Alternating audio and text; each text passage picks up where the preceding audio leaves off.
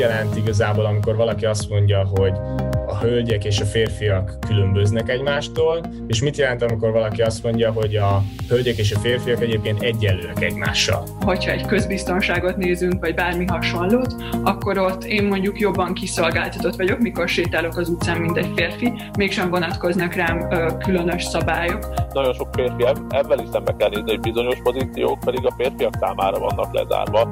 Az viszont igaz, hogy a, a tényleg úgy látszik, hogy a top a vezetésben, meg a nőknek a nehezebb dolog. Lehet itt a fér, férfi társaim védelmére kelek. ez egy kicsit az így egy, egy erős, e, talán egy erős kijelentés.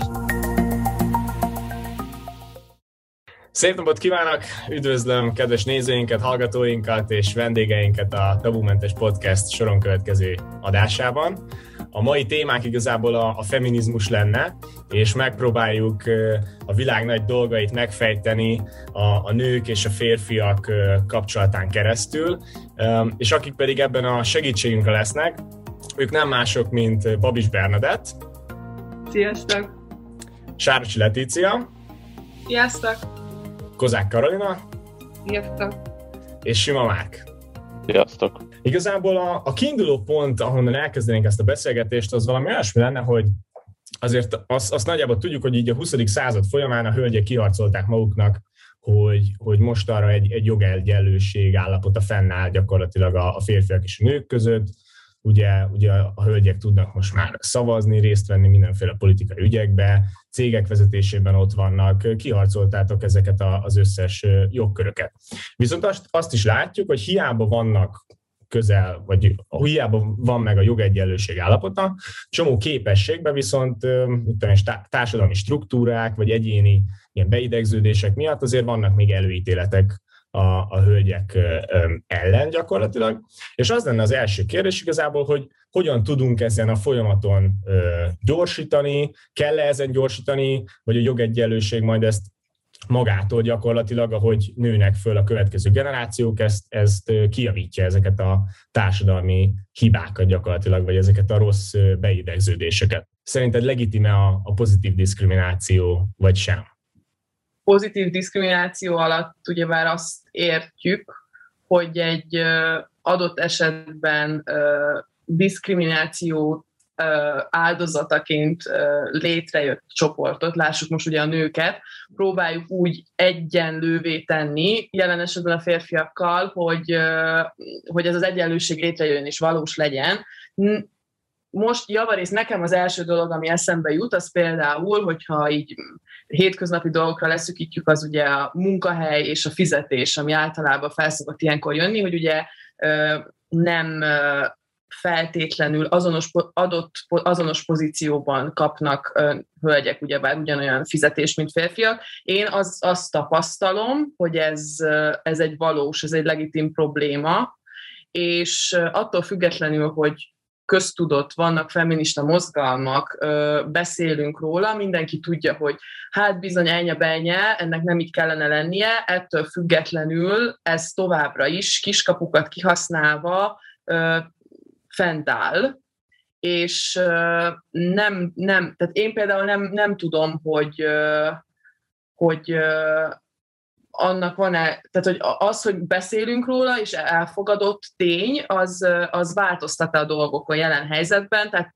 sokan, sokan, sokan tudunk róla, mindenki uh, tudja, hogy van ez a probléma, de mégis elsikünk fölötte, és szerintem ez, ez továbbra is minden szektorban, az, az élet minden szektor, szektorjában ez jelen van, nem tudok ezzel kapcsolatban okosat mondani, nincs, nincs, nincs feltétlenül ötletem, hogy hogyan lehetne ezt kiküszöbölni, nem tudom, hogy valaki másnak van-e. Én csak azt tudom megerősíteni saját tapasztalataim alapján, amikről később akár tudok is beszélni, hogy, hogy, hogy ez egy valós probléma, és van létjogosultság annak, hogy erről most egyébként szerintem beszélgetünk valójában így uh, munkaterén nekem tapasztalatom nincsen benne, hogy esetleg a férfiak többet keresnének.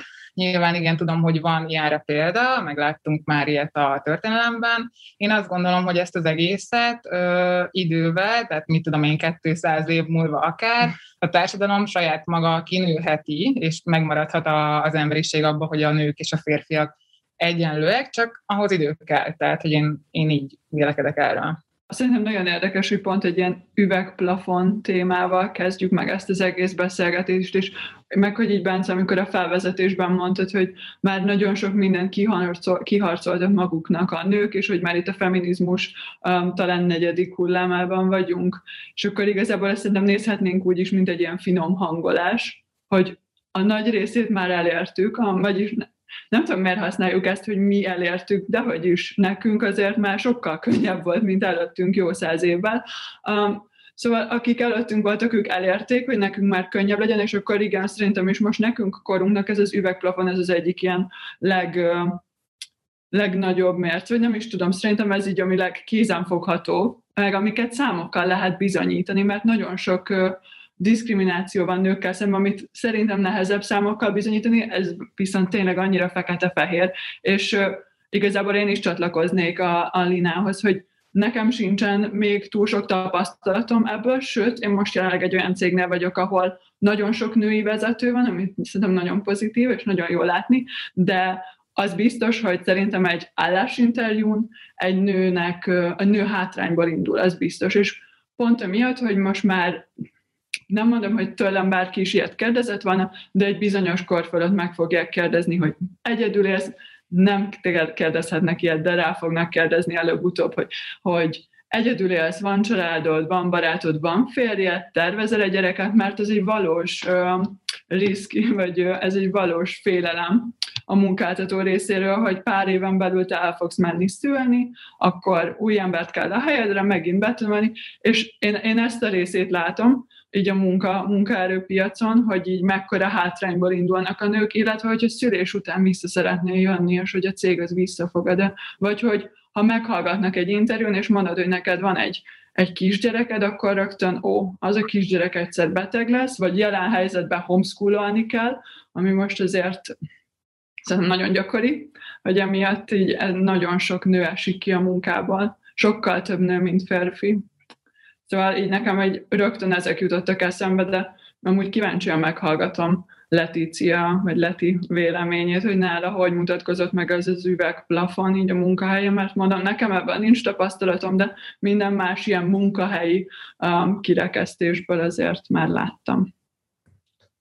Köszi, Belcsi.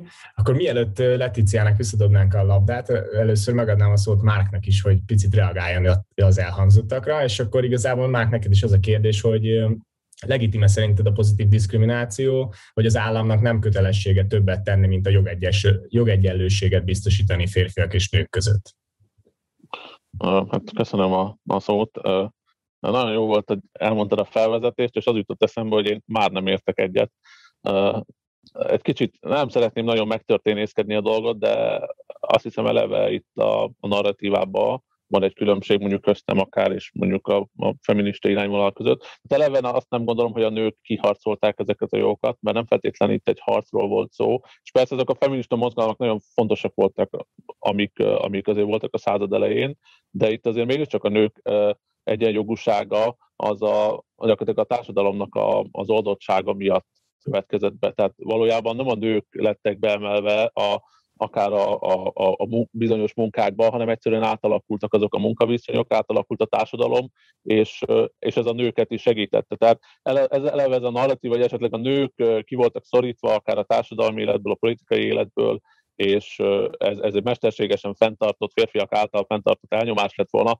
Ez szerintem egy téves narratíva, tehát itt gyakorlatilag volt egy nagyon szoros társadalmi rend, egy jó száz évvel ezelőttig akkor kezdett igazán felbomlani, és amikor ez felbomlott, akkor a nőknek is nagyobb tere volt, és szintén nagyon nagy ugrás volt a 60-as évek, amikor tulajdonképpen a, a születésszabályozásban egy, egy forradalom történt, tehát sokkal könnyebben lehetett hozzájutni, és onnantól kezdve a nők is sokkal jobban képesek voltak arra, hogy karriert építsenek, amit azért egy váratlan gyerek szülés, ez mindenképp hát megakadályozhatott volna, most sokkal jobban tudnak tervezni. Tehát eleve ez a narratívában én ezt másképp látom, de az utolsó kérdésre reagálva, és azért amiket most itt elmondhatok, azokra reagálva azért azt mindenképp mondanám, hogy nem feltétlen baj, ha egy férfi jobban keres, mint egy nő az, az lehet az ő teljesítménye. Itt mindenképp amiről beszélünk, ami baj, és amiről én is azt mondom, hogy meg kell oldani, és ezzel lehet vitatkozni, hogy de a baj az, hogyha ugyanazért a munkáért egy nő kevesebbet kap, mint egy férfi. Csak ebbe, én ebben látom a problémát. Hogyha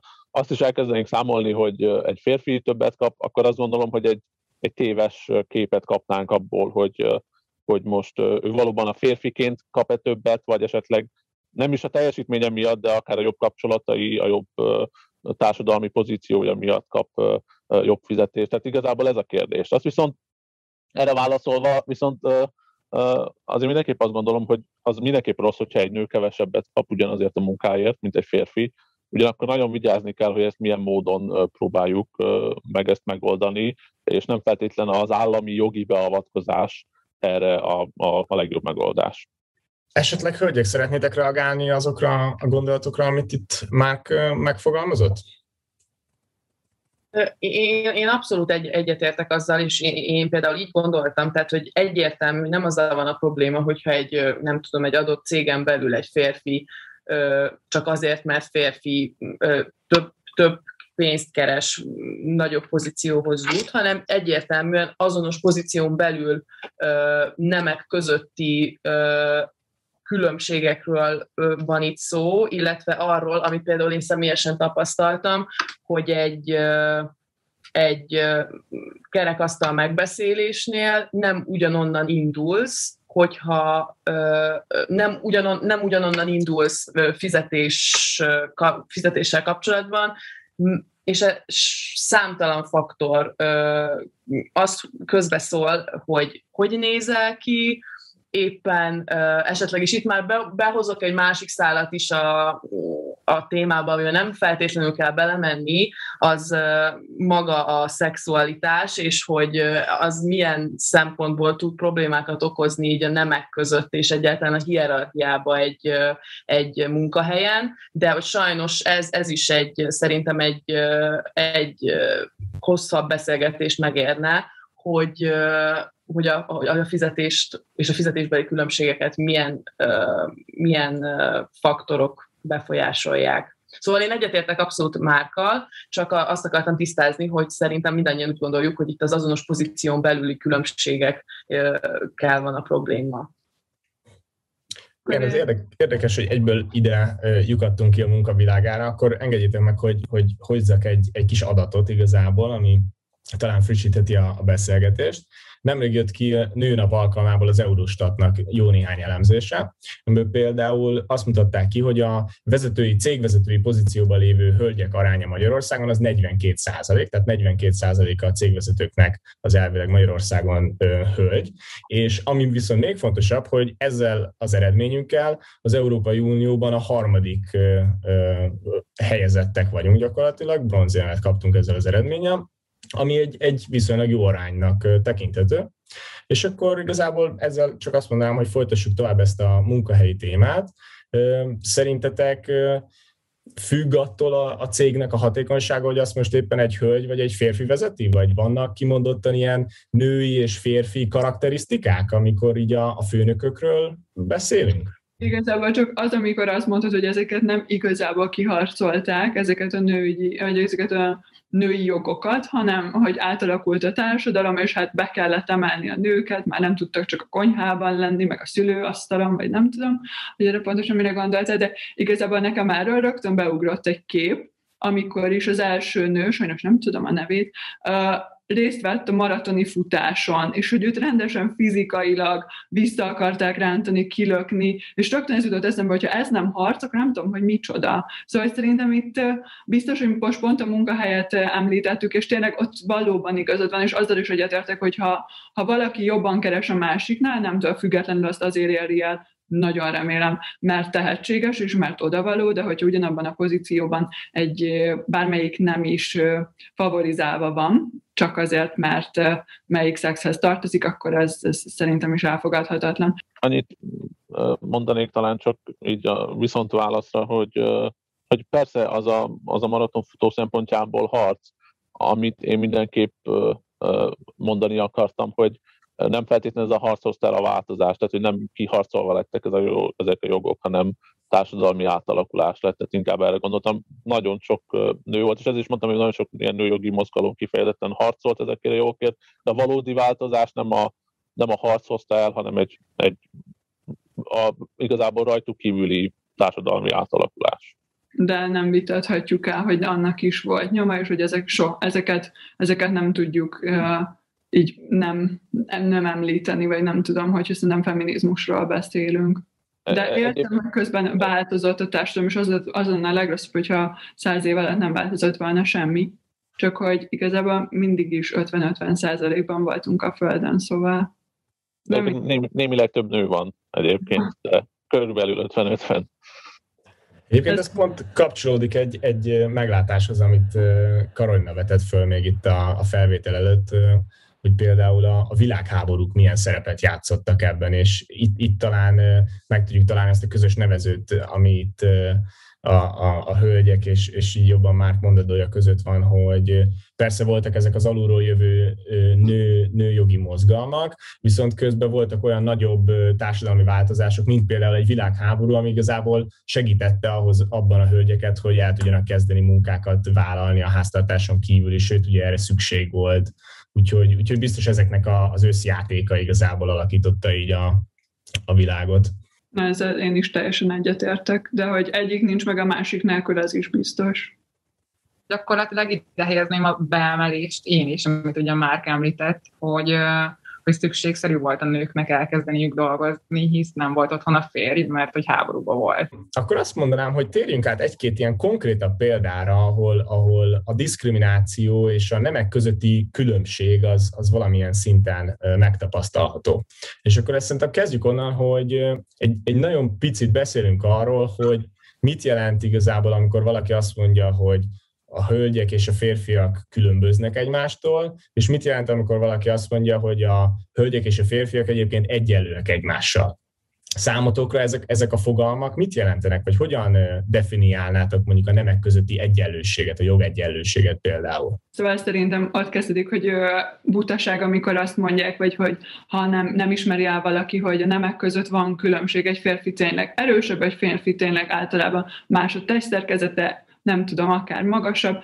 Szóval ezek, ezek alap pillérek, szerintem ezeket nem kell soha elvitatni, viszont én ugyanúgy fizet, bárki ugyanúgy fizet adót, szóval ugyanazok a szabályok vonatkoznak viszont ránk, mint a többiekre, szóval a társadalomban ilyen szempontból a társadalom nagyon kismértékben tesz különbséget, vagyis ez most így lehet, hogy nem a legjobban lett megfogalmazva, de hogy igazából uh, fundamentálisan ugyanazok a szabályok vonatkoznak mind a két nemre. Mégis vannak olyan dolgok, amiben szerintem például, hogyha egy közbiztonságot nézünk, vagy bármi hasonlót, akkor ott én mondjuk jobban kiszolgáltatott vagyok, mikor sétálok az utcán, mint egy férfi, mégsem vonatkoznak rám különös szabályok, és most így igazából, amire ki akarok lyukadni, az igazából ez a catcalling, amikor elmész egy útfelújítás mellett, és rád füttyögnek, meg hasonlók, aminek mi ki vagyunk téve, mert így nők Szerintem ez szinte mindenkinek volt már ilyen tapasztalata szerintem. Konkrétan, hogyha nem egy, nem tudom, krumplizsákba sétálsz végig az utcán, de lehet, hogy még akkor is, szerintem ez már mindenkivel előfordult.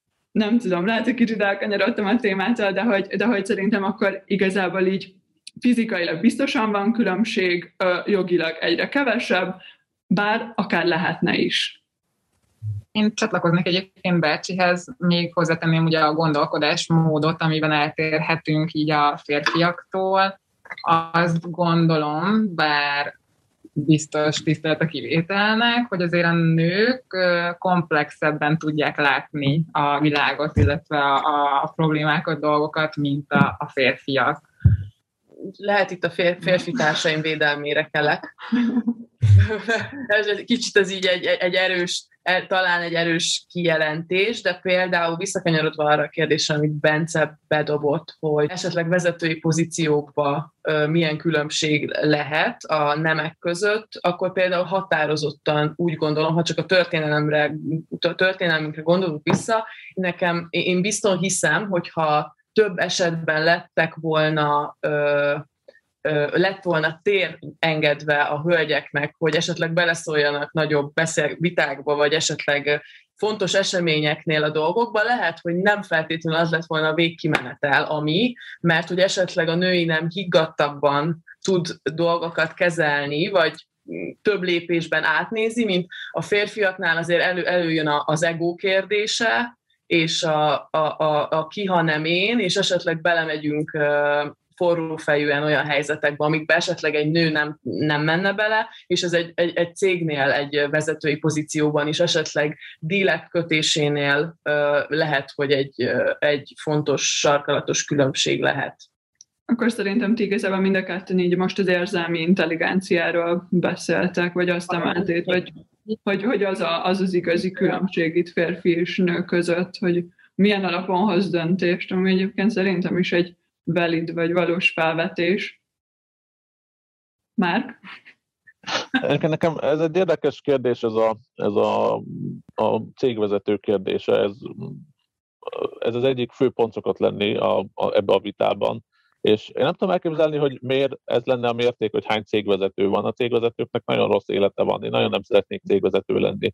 Tehát azt látom, hogy a, és egyébként egy kicsit a cégvezetőknek egy nagyon feladatorientált, gyakorlatilag ilyen antiszociális, ilyen sziopata-szerű viselkedéssel kell viselkedniük, mert így lehet vezetni, tehát ilyen katonás rendben. És ez gyakorlatilag feloldja a nőiségét, meg a férfiasságát is az embereknek. Én ezt látom, tehát nem feltétlenül látom azt, hogy a férfiak annyira jól járnának, hogyha a nagyobb számban cégvezetők. És ezt látom kicsit a, a céges világban is, hogy ugye nagyon kevés munka van a, a, a, a, az irodai munkákban, amit egy férfi tud elvégezni, vagy csak egy nő tud elvégezni. Tehát kicsit ott összefolynak a nemek, és nem véletlenül ott van ez a, ez a harc is a, a, a fizetésekről, és mondjuk nem a tűzoltóknál van, vagy az óvónőknél, ahol az egyik nem, az gyakorlatilag le leuralja az egész szférát. Tehát mindenképpen ez a, ez a, a harctere, a, a céges világ, tehát ez a céges vezetők. Egyébként volt tapasztalatom, én ilyen diákmunkával dolgoztam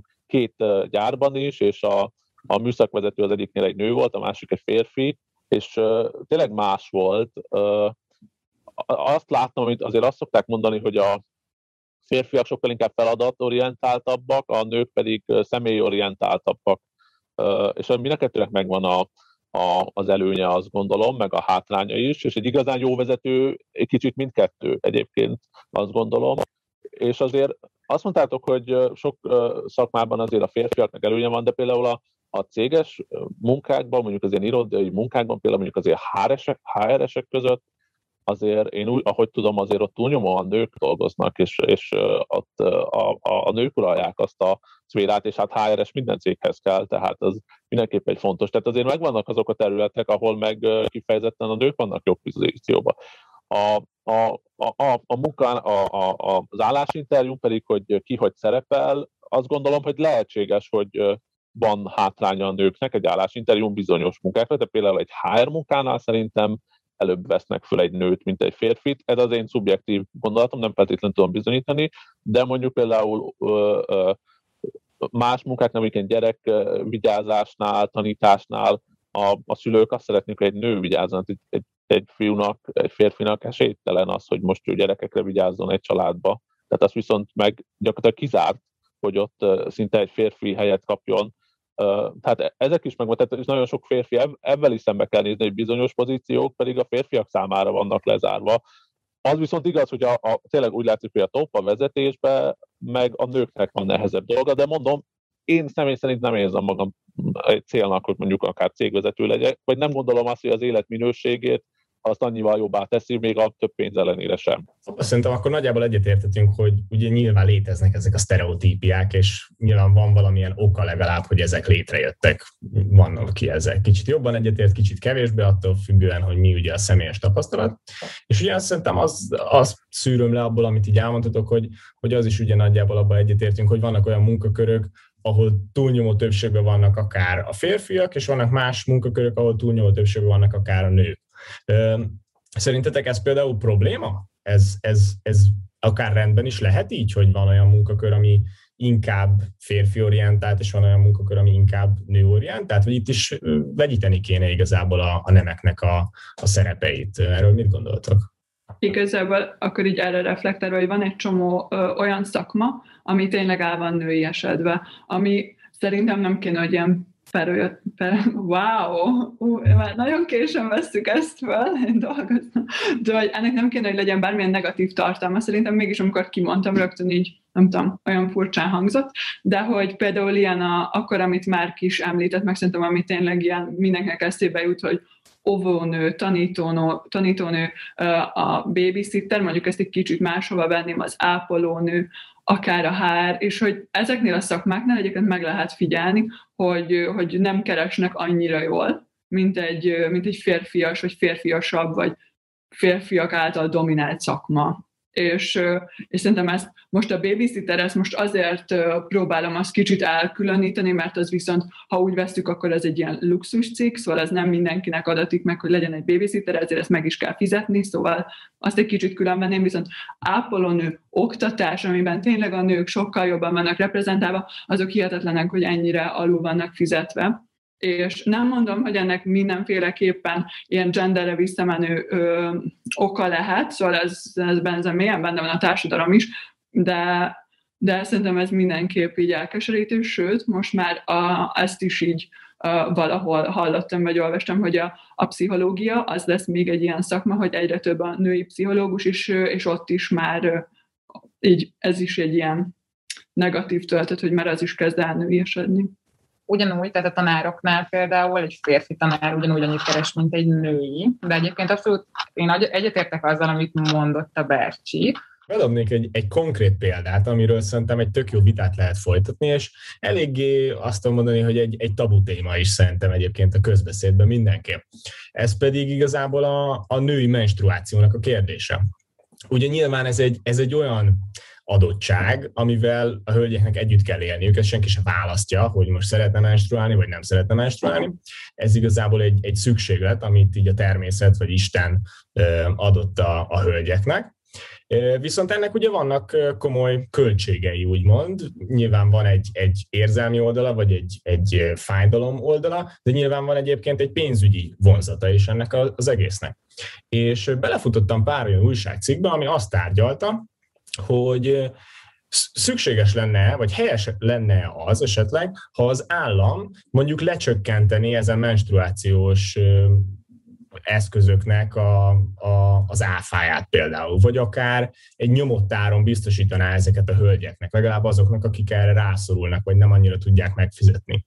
Mik, mik a gondolataitok erről a felvetésről? Nem konkrétan a menstruációra, vagy most menstruációs termékekre térnék ki, hanem általában arra a tényre, hogy például ez a úgynevezett pink tax, ez létezik, ami ugye azt jelenti, hogyha bármilyen termékről beszélünk, egy tusfürdőről, ami rózsaszín kiszerelésben található meg, és hölgy rá van írva, hogy hölgyeknek, valószínűleg 5%-kal, 10%-kal drágább lesz ugyanazon terméknek az ára, mint amit férfiak, ezt, ezt, ezt érdemes megnézni, ma ezzel szembesültem is a boltba, és kicsit fel is húztam magam rajta, összességében termékek, a termékekre leszűkítve ezt a dolgot, az, hogyha valami rózsaszín, az, hogyha valami a hölgyeknek készül, higiéniai eszköz, gyerekjátékok, tehát mindegyikről van statisztika, hogy a, nem tudom, a, kis, a kislányoknak tervezett játékok drágábbak, mint ami a, a fiúknak, a fiúknak van számva és hogy ez nem, ezt, ezt nem tartom normálisnak, és itt még ugyanúgy ez a gap, ez igen, igenis nagy, sőt szerintem bizonyos termékeken belül egyre nagyobb. Márk, akkor, akkor reagálj kérlek a kérdésfelvetésre, vagy Letícia mondandójára.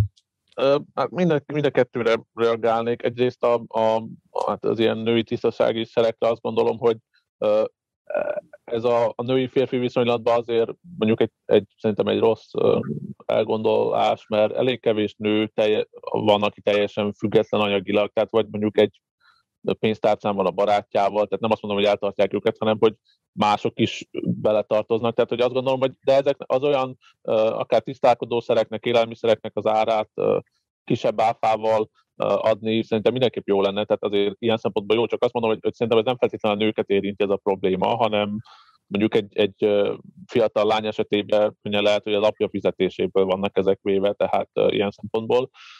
Most erre a másik felvetett probléma egyébként az érdekes, igen, hogy ezek a rózsaszín dolog az, az drágább, mint a, mint a fiúskék, de az a baj, ez, ez, a, ez a piac. Hát, hogy, hogy igazából tulajdonképpen az a helyzet, hogy a nők statisztikailag ez látszik, sokkal, sokkal inkább hajlandóak vásárolni. Most ez, ez csúnyán hangzik, hogy a nők vásárolnak, de, de ez, ez látszik, hogy a nők sokkal, sokkal inkább hajlandóak egy, egy kiadást megadni, vagy egy nagyobb árat megadni azért, amit valóban hasznosnak gondolnak, míg a férfiak nehezebben veszik rá magukat, hogy valóban vásároljanak valamit, ami, amire nem érzik úgy, hogy feltétlenül szükségük van. És statisztikailag látszik, tehát gyakorlatilag ez generálja azt, hogy ha nőket akarnak megszólítani, akkor a, a cégek egyszerűen nagyobb árat tudnak szabni, mert úgyis el tudják adni a termékeket, de azt gondolom, hogy ez, ez nem csak férfi-nő viszonylatban, azért márkákban is látjuk, hogy egy-egy márkajelzés ugyanannak a terméknek a, az árát hihetetlenül felnyomhatja, de akár például olyanok is vannak azért a biojelzőt is nagyon könnyedén használják Magyarországon, tehát egy-egy ugyanaz a termék van elcsomagolva bióra és nem bióra, tehát hogy akár ezt, azt is mondhatnánk, hogy az olyan embereket, akik a bioélelmiszereket preferálják őket, éri diszkrimináció, tehát a, a glutén érzékenységre is nagyon hasonló a helyzet, hogyha valami gluténmentes, az sokkal drágább, mint reálisan, hiszen valójában hogyha valaki ezt szeretné, szeretné egy gluténmentes diétát, akkor ki fogja adni rá a pénzt, és ez generálja a magasabb árat. Tehát, hogy igazából ez van, tehát tulajdonképpen van egy ilyen jelenség, hogy ezek a dolgok drágábbak, amik a nőknek szólnak, de ezt egyszerűen a piac generálja. Én sem tartom jó dolognak, meg a piacot sok, sokszor nem tartom jó dolognak, tehát nem feltétlenül értek egyet vele, de azt gondolom, hogy nincs bűne ebbe a, a férfiaknak. Bercsi, és utána láttam, Leti, te is reagálni.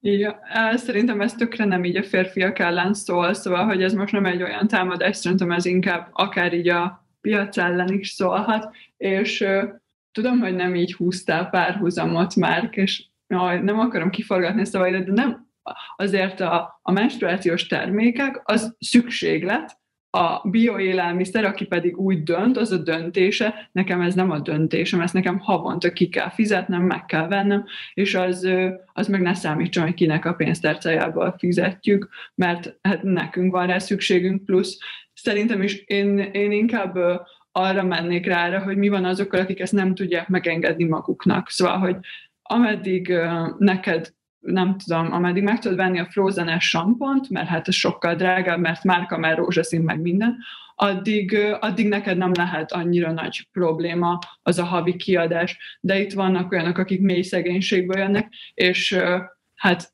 én remélem, hogy ettől senki nem fogja rosszul érezni magát, de hogyha ha több napig hordasz egy, egy ugyanolyan tampont, vagy nem mosakszol, vagy bármi, ennek borzalmas ilyen egészségügyi problémái lehetnek, és lehet, hogy több nő erre van rákényszerülve azért, mert hogy ez neki súlyos összegekbe kerül. És ez egy hatalmas nehézség szerintem azoknak, akiknek akár amellett kell dönteni, hogy most vacsorázik, vagy vesz egy ilyen terméket.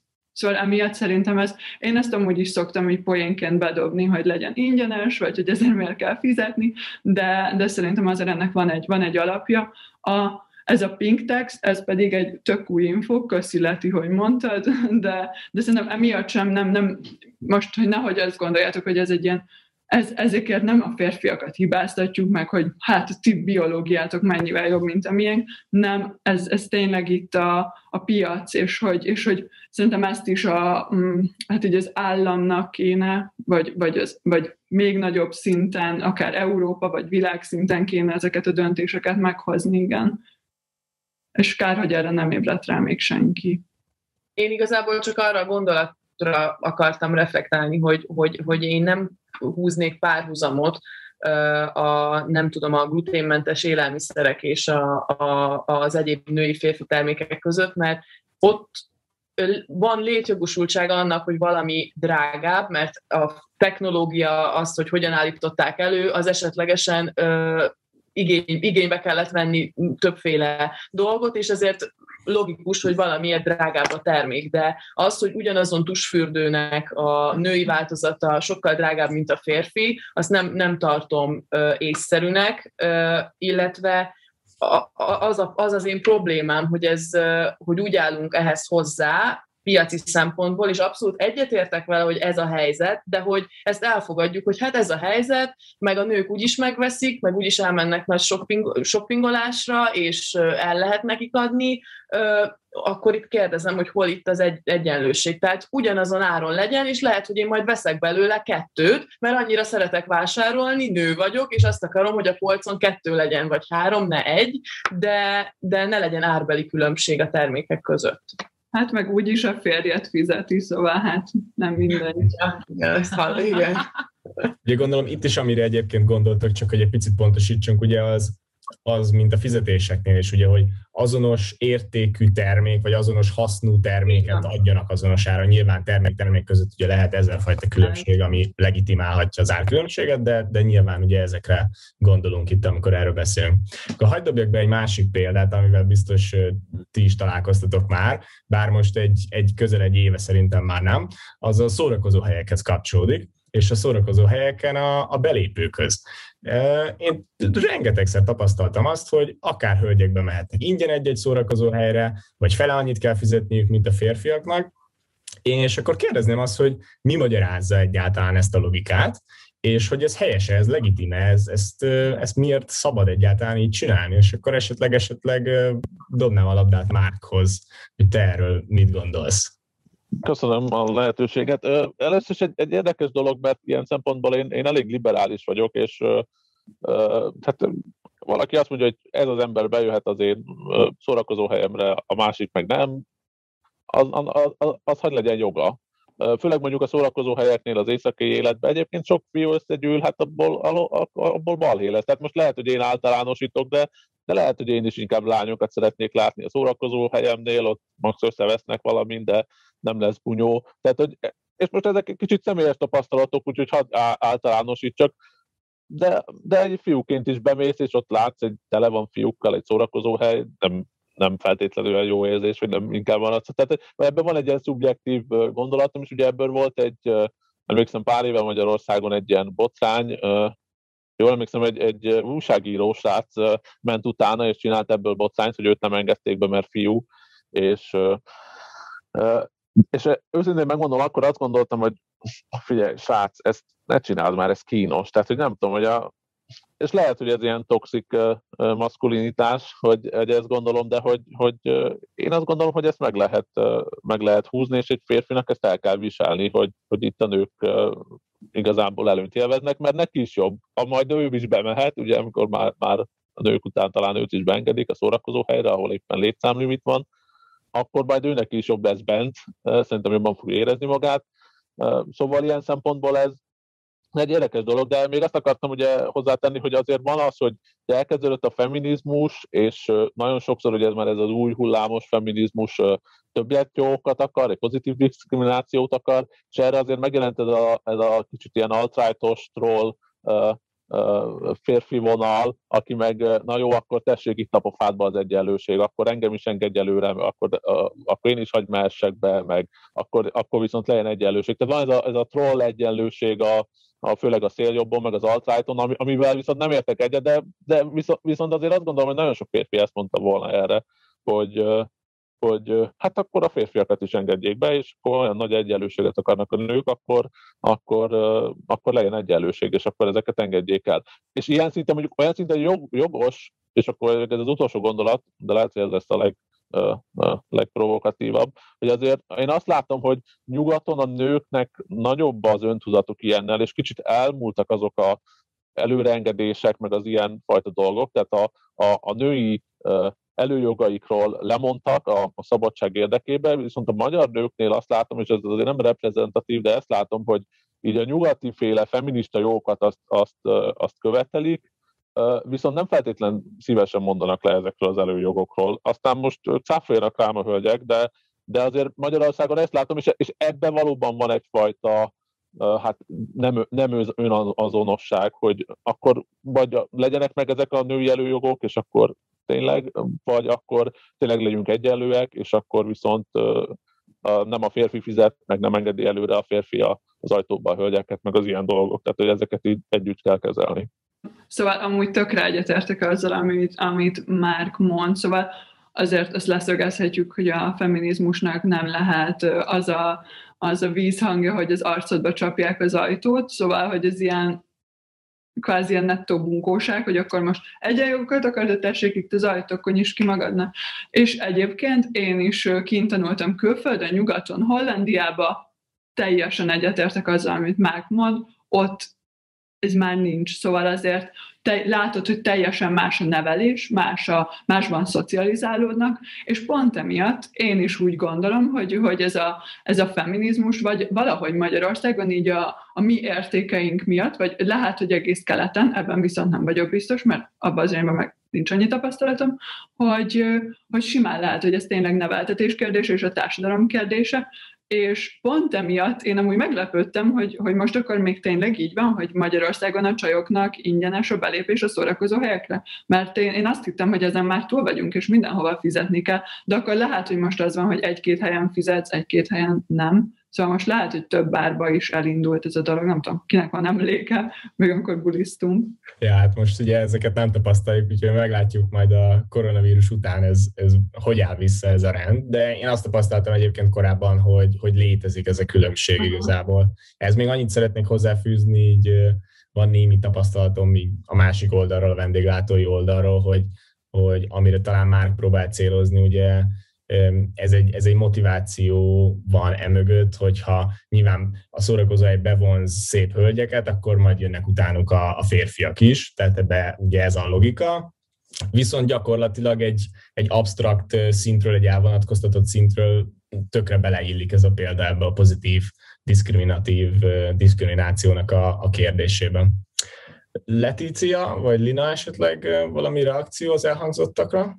Igazából még egy olyan oldalt lehetne még felhozni az ajtó kinyitáshoz esetleg, hogy oké, okay, nőként nyilván nem hajsz bele, hogy ki kell nyitni egy ajtót, tehát nem, azzal, nem annak a gondolatmenetén indulok el, de mondjuk arról nem beszéltünk, hogy például, ez most lehet provokatív lesz, hogy a nő ugye menstruál, meg szül, meg amúgy inkább ő az, aki többet nevel gyereket, mint, mint az apuka vagy a férfi, és hogy ilyen téren azt, hogy kinyitod a nőnek az ajtót, az lehet akár egy ilyen tiszteletbeli gesztus, hogy mégiscsak, tehát hogy valahol egyébként ezt az egyenlőséget meg nem lehet összerakni, vagy hát igen. A mérleg nyelven nem egyenlő az Igen. egyenlőség és egyenlőség között. Igen, egyes, én egyetértek.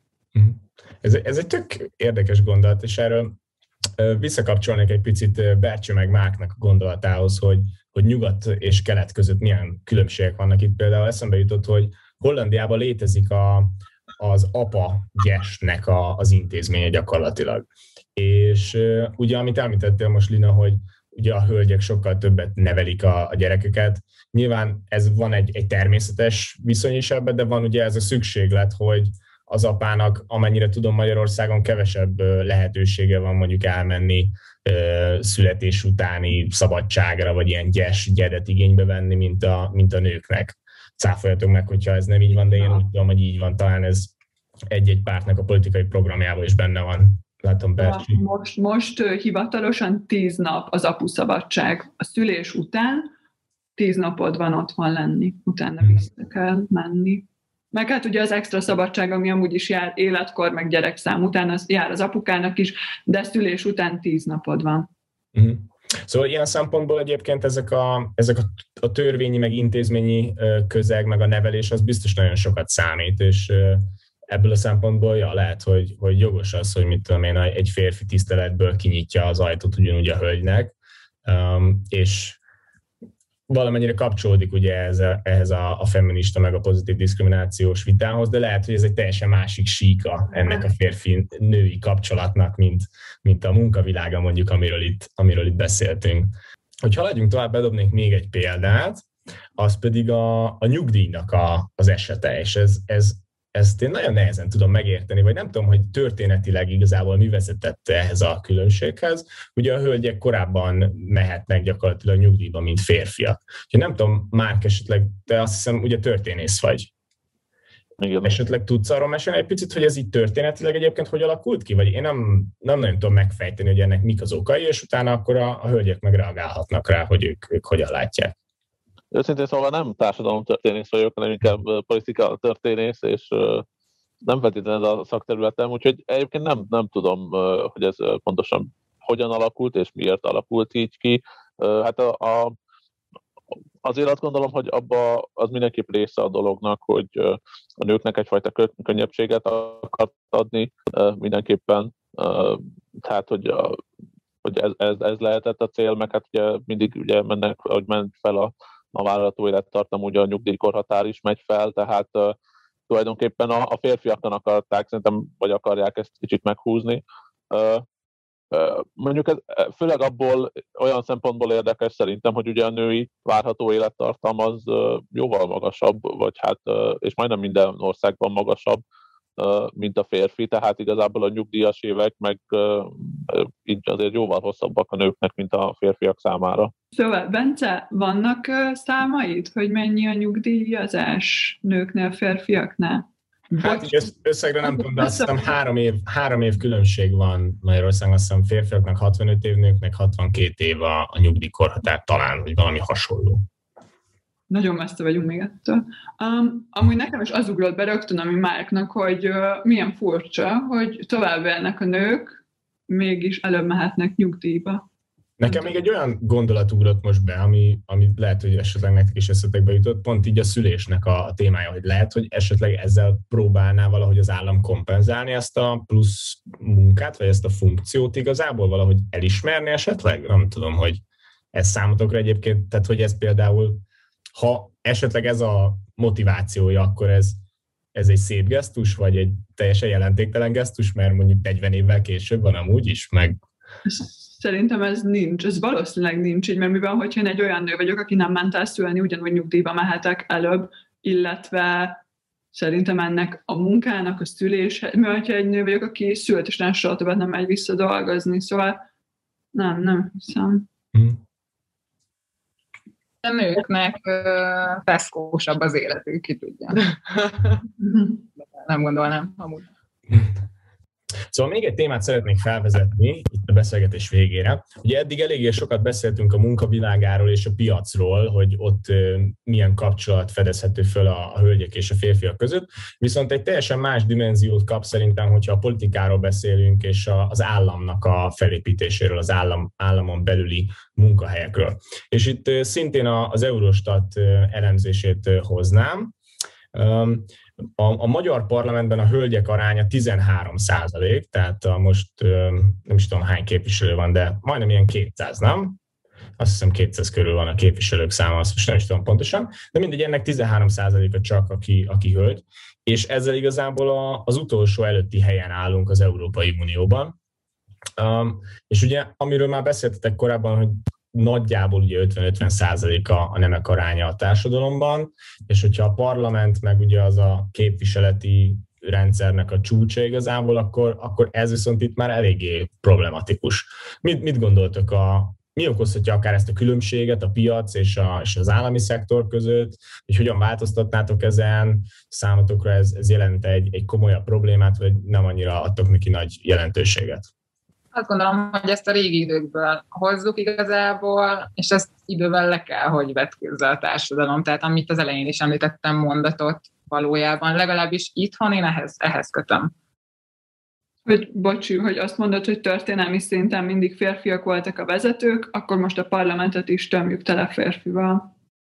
Amúgy én is szerintem ebbe, ebbe azért bőven van igazság, amit Lina mond, ugye hát mindenki ezt tanulja kicsi korában, hogy a férfire lehet, meg mindenki ilyen párt, meg ilyen apát akar, akire fel lehet nézni, aki biztonságérzetet ad, akkor ő döntsön a sorsomról is, a, de hogy közben meg annyira pozitív volt ez az első adat, amit, amit mondtál, Bence, és most ez annyira lehangoló komolyan, mert hogy pont ez az, hogy van egy csomó, és ezzel addig nem lenne baj, ameddig uh, valid lenne az, amit mondtam, bocs, a hanglis miatt, Szóval ameddig uh, élne az az állítás, amit mondtam, hogy, uh, hogy mind a két nemre pont ugyanazok a szabályok vonatkoznak. De sajnos vannak olyan törvények ma Magyarországon is életben, ami jobban érinti egyszerűen a nőket, és a nőkről dönt. És akkor én sokkal jobban örülnék annak, hogyha több nő lenne a parlamentben, és akkor nem tudnának visszadobni ilyen törvényjavaslatokat, vagy esetleg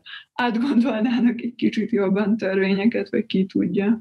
De hogy szerintem mindenképp, most én nem, én nem ne értsétek félre, még nem döntöttem el, nem biztos, hogy a kóta mellett érvelek, de az biztos, hogy ez az arány, ez szerintem, szerintem ez, ez nem, ez nem oké. Okay. Nekem ez egy nagyon érdekes kérdés, azért, mert uh, uh, itt a politikában, hát egyfolytában arról beszélünk, hogy a parlamentben pártkatonák ülnek. Tehát most nem tök mindegy, hogy egy nő vagy egy férfi pártkatona ül ott. Tehát Magyarországon a parlamentben a képviselők azok megszavazzák, amit a pártbizottság eldöntött. Tehát nem nőként, nem férfiként döntenek a képviselők egy kérdésben, hanem a párt tagként döntenek a kérdésben. Tehát ez a, ez a statisztika szerintem nagyon félreértelmezendő, és hát az, hogy nem, tehát nem az a helyzet, most férfiak döntenek nőkről. A, a, és eleve az a logika kicsit rossz, hogy majd a nők a női érdeket képviselik, a férfiak meg a férfiak. Tehát hogy az embernek az identitás ennél sokkal több síkúbb, annak ellenére, hogy mondjuk a feminizmus egy ilyen férfi-nő síkon gondolkozik elsősorban, de a politikusoknak, az embereknek azért sokkal több síkúbb a gondolkodása. Ők elsősorban ott a parlamentben egy pártnak a tagjai, és nem nők vagy nem férfiak.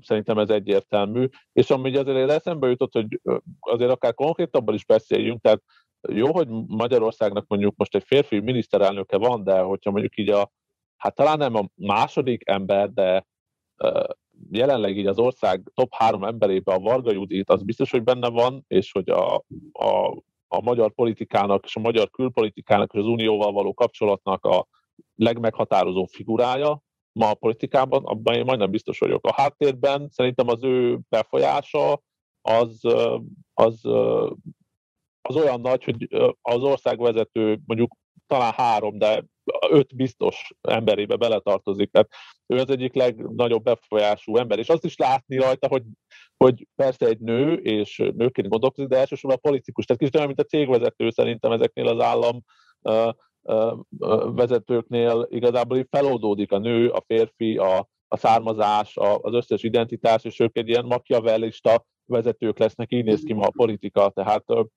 nem feltétlen látom azt, hogy hogy ebbe egy ilyen férfi-nő kérdés lenne. Ez egy, ez, ez, egy, ez egy politikai kérdés. És azért azt gondolom, hogy talán a parlamentben ülni népszerűbb volt, hogy valóban a történelmi uh, i, i, okok miatt egyszerűen a férfiak inkább szeretnének képviselők lenni, vagy valóban lehet, hogy akár akadályozzák a nőket is, nem tudnak annyi, de egyébként most így belegondoltam, a Fidelitásnak is a, a vezetője egy nő, szerintem, ha jól emlékszem. Tehát, hogy azért uh, uh, oda kerülnek, és azt gondolom, hogy ők nem nő-férfi mi voltukban vannak ott, hanem pártember mi voltukban.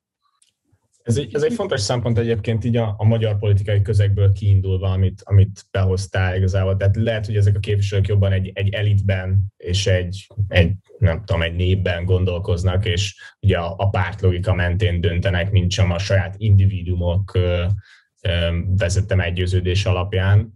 Um, hogyha egy picit elvonatkoztatunk viszont akkor így a, a magyar mostani politikai helyzettől, és azokon a feltét, azokból a feltételezésekből indulunk ki, hogy hogy a politikusok a saját egyéni meggyőződésük alapján döntenek inkább, és egy picit akkor egy ilyen absztraktabb szintre visszük ezt a beszélgetést, akkor mit gondolnátok egyébként egy ilyen nemi vagy női kvótának a bevezetéséről, ezt támogatnátok akár mint nők, akár mint férfiak, vagy elleneznétek, milyen ellenérvek vagy érvek merülnek itt fel bennetek?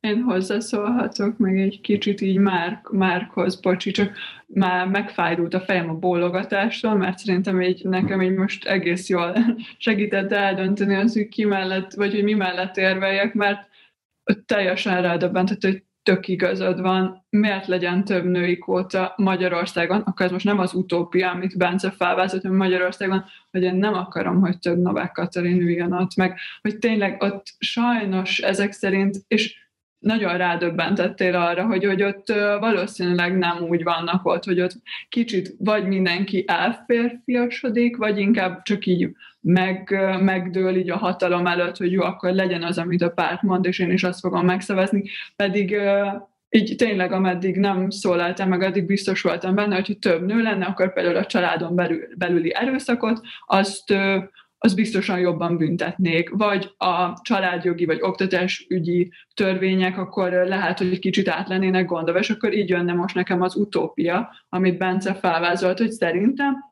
pont ezek a témák miatt, amik, amik szerintem hát, család, meg a nőgyek és, a, és az oktatás az ilyen a tényleg az alapjait adja egy társadalomnak, és, és szerintem, ha, ha ezekbe gondolok bele, akkor én személy szerint szívesen látnék több nőt a parlamentben, de nem gondolom úgy, hogy csak azért, mert valaki egy bizonyos genderhez tartozik, amiatt automatikusan be kell kerülnie. Legyen rátermet, tényleg ö, legyen egy eszme, amit képvisel, vagy bármi tudás mögötte, ne csak azért kerüljön oda. De pont szerintem ilyen alapon, hogyha női kóta lesz, akkor lehet ö, bármilyen más kisebbségnek ö, kótája. Szóval ez egy, ez egy nehéz kérdés igazából.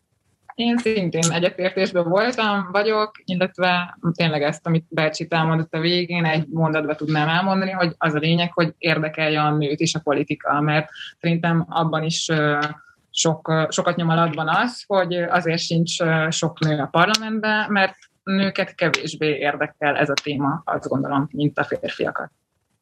Szerintem ez pont nincs így. Szerintem egy nőt pont ugyanannyira tud érdekelni a politika, de nem tudom, de hogyha megnézzünk bármelyik női politikussal egy, egy interjút, akkor biztos, hogy előbb-utóbb valamelyik oldal, nem szerint még, rá fog kérdezni, hogy na mi van most a családdal? Hát, hogyha akkor a családanya vagy, akkor mert nem vagy a családoddal? Vagy hogy tudod összeegyeztetni a családot a politikával?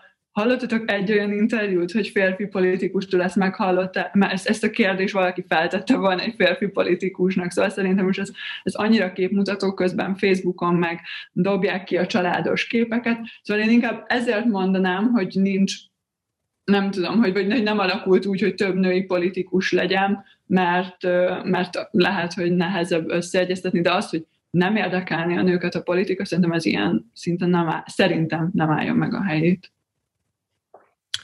Egyébként az én véleményem a kérdésben az, hogy így alapjáraton nincs szerintem se egy ilyen különbség, hogy most egyik nemet kevésbé, mert másikat jobban érdekli a politika, viszont az biztos egy tényező szerintem a, a nők szempontjából, hogy kevesebb női politikusra tudnak felnézni, akár mint példakép, érted? És szerintem ez, ez, ez tuti számít, szerintem férfiaknál is, vagy, vagy kisebb fiúknál, hogy, látnak egy férfi politikust a, a tévébe, aki, aki éppen beszél, vagy valami jót csinál, lehet, hogy vele könnyebben tudnak azonosulni, és jobban fel tudnak rá nézni, és lehet, hogy a, a hölgyeknek meg egy picit hiányoznak ezek a, ezek a példaképek. Aztán lehet, hogy pont most ezekben az évtizedekben, mit tudom én, ilyen Angela Merkel féle országvezetőkkel évtizedeken keresztül ezek, ezek átalakulnak majd. Legalábbis én, én is egyébként így, így Hollandiában így ezeket tapasztaltam, hogy, hogy ott a, az ottani lányok vagy hölgyek így tökre tudnak azonosulni a női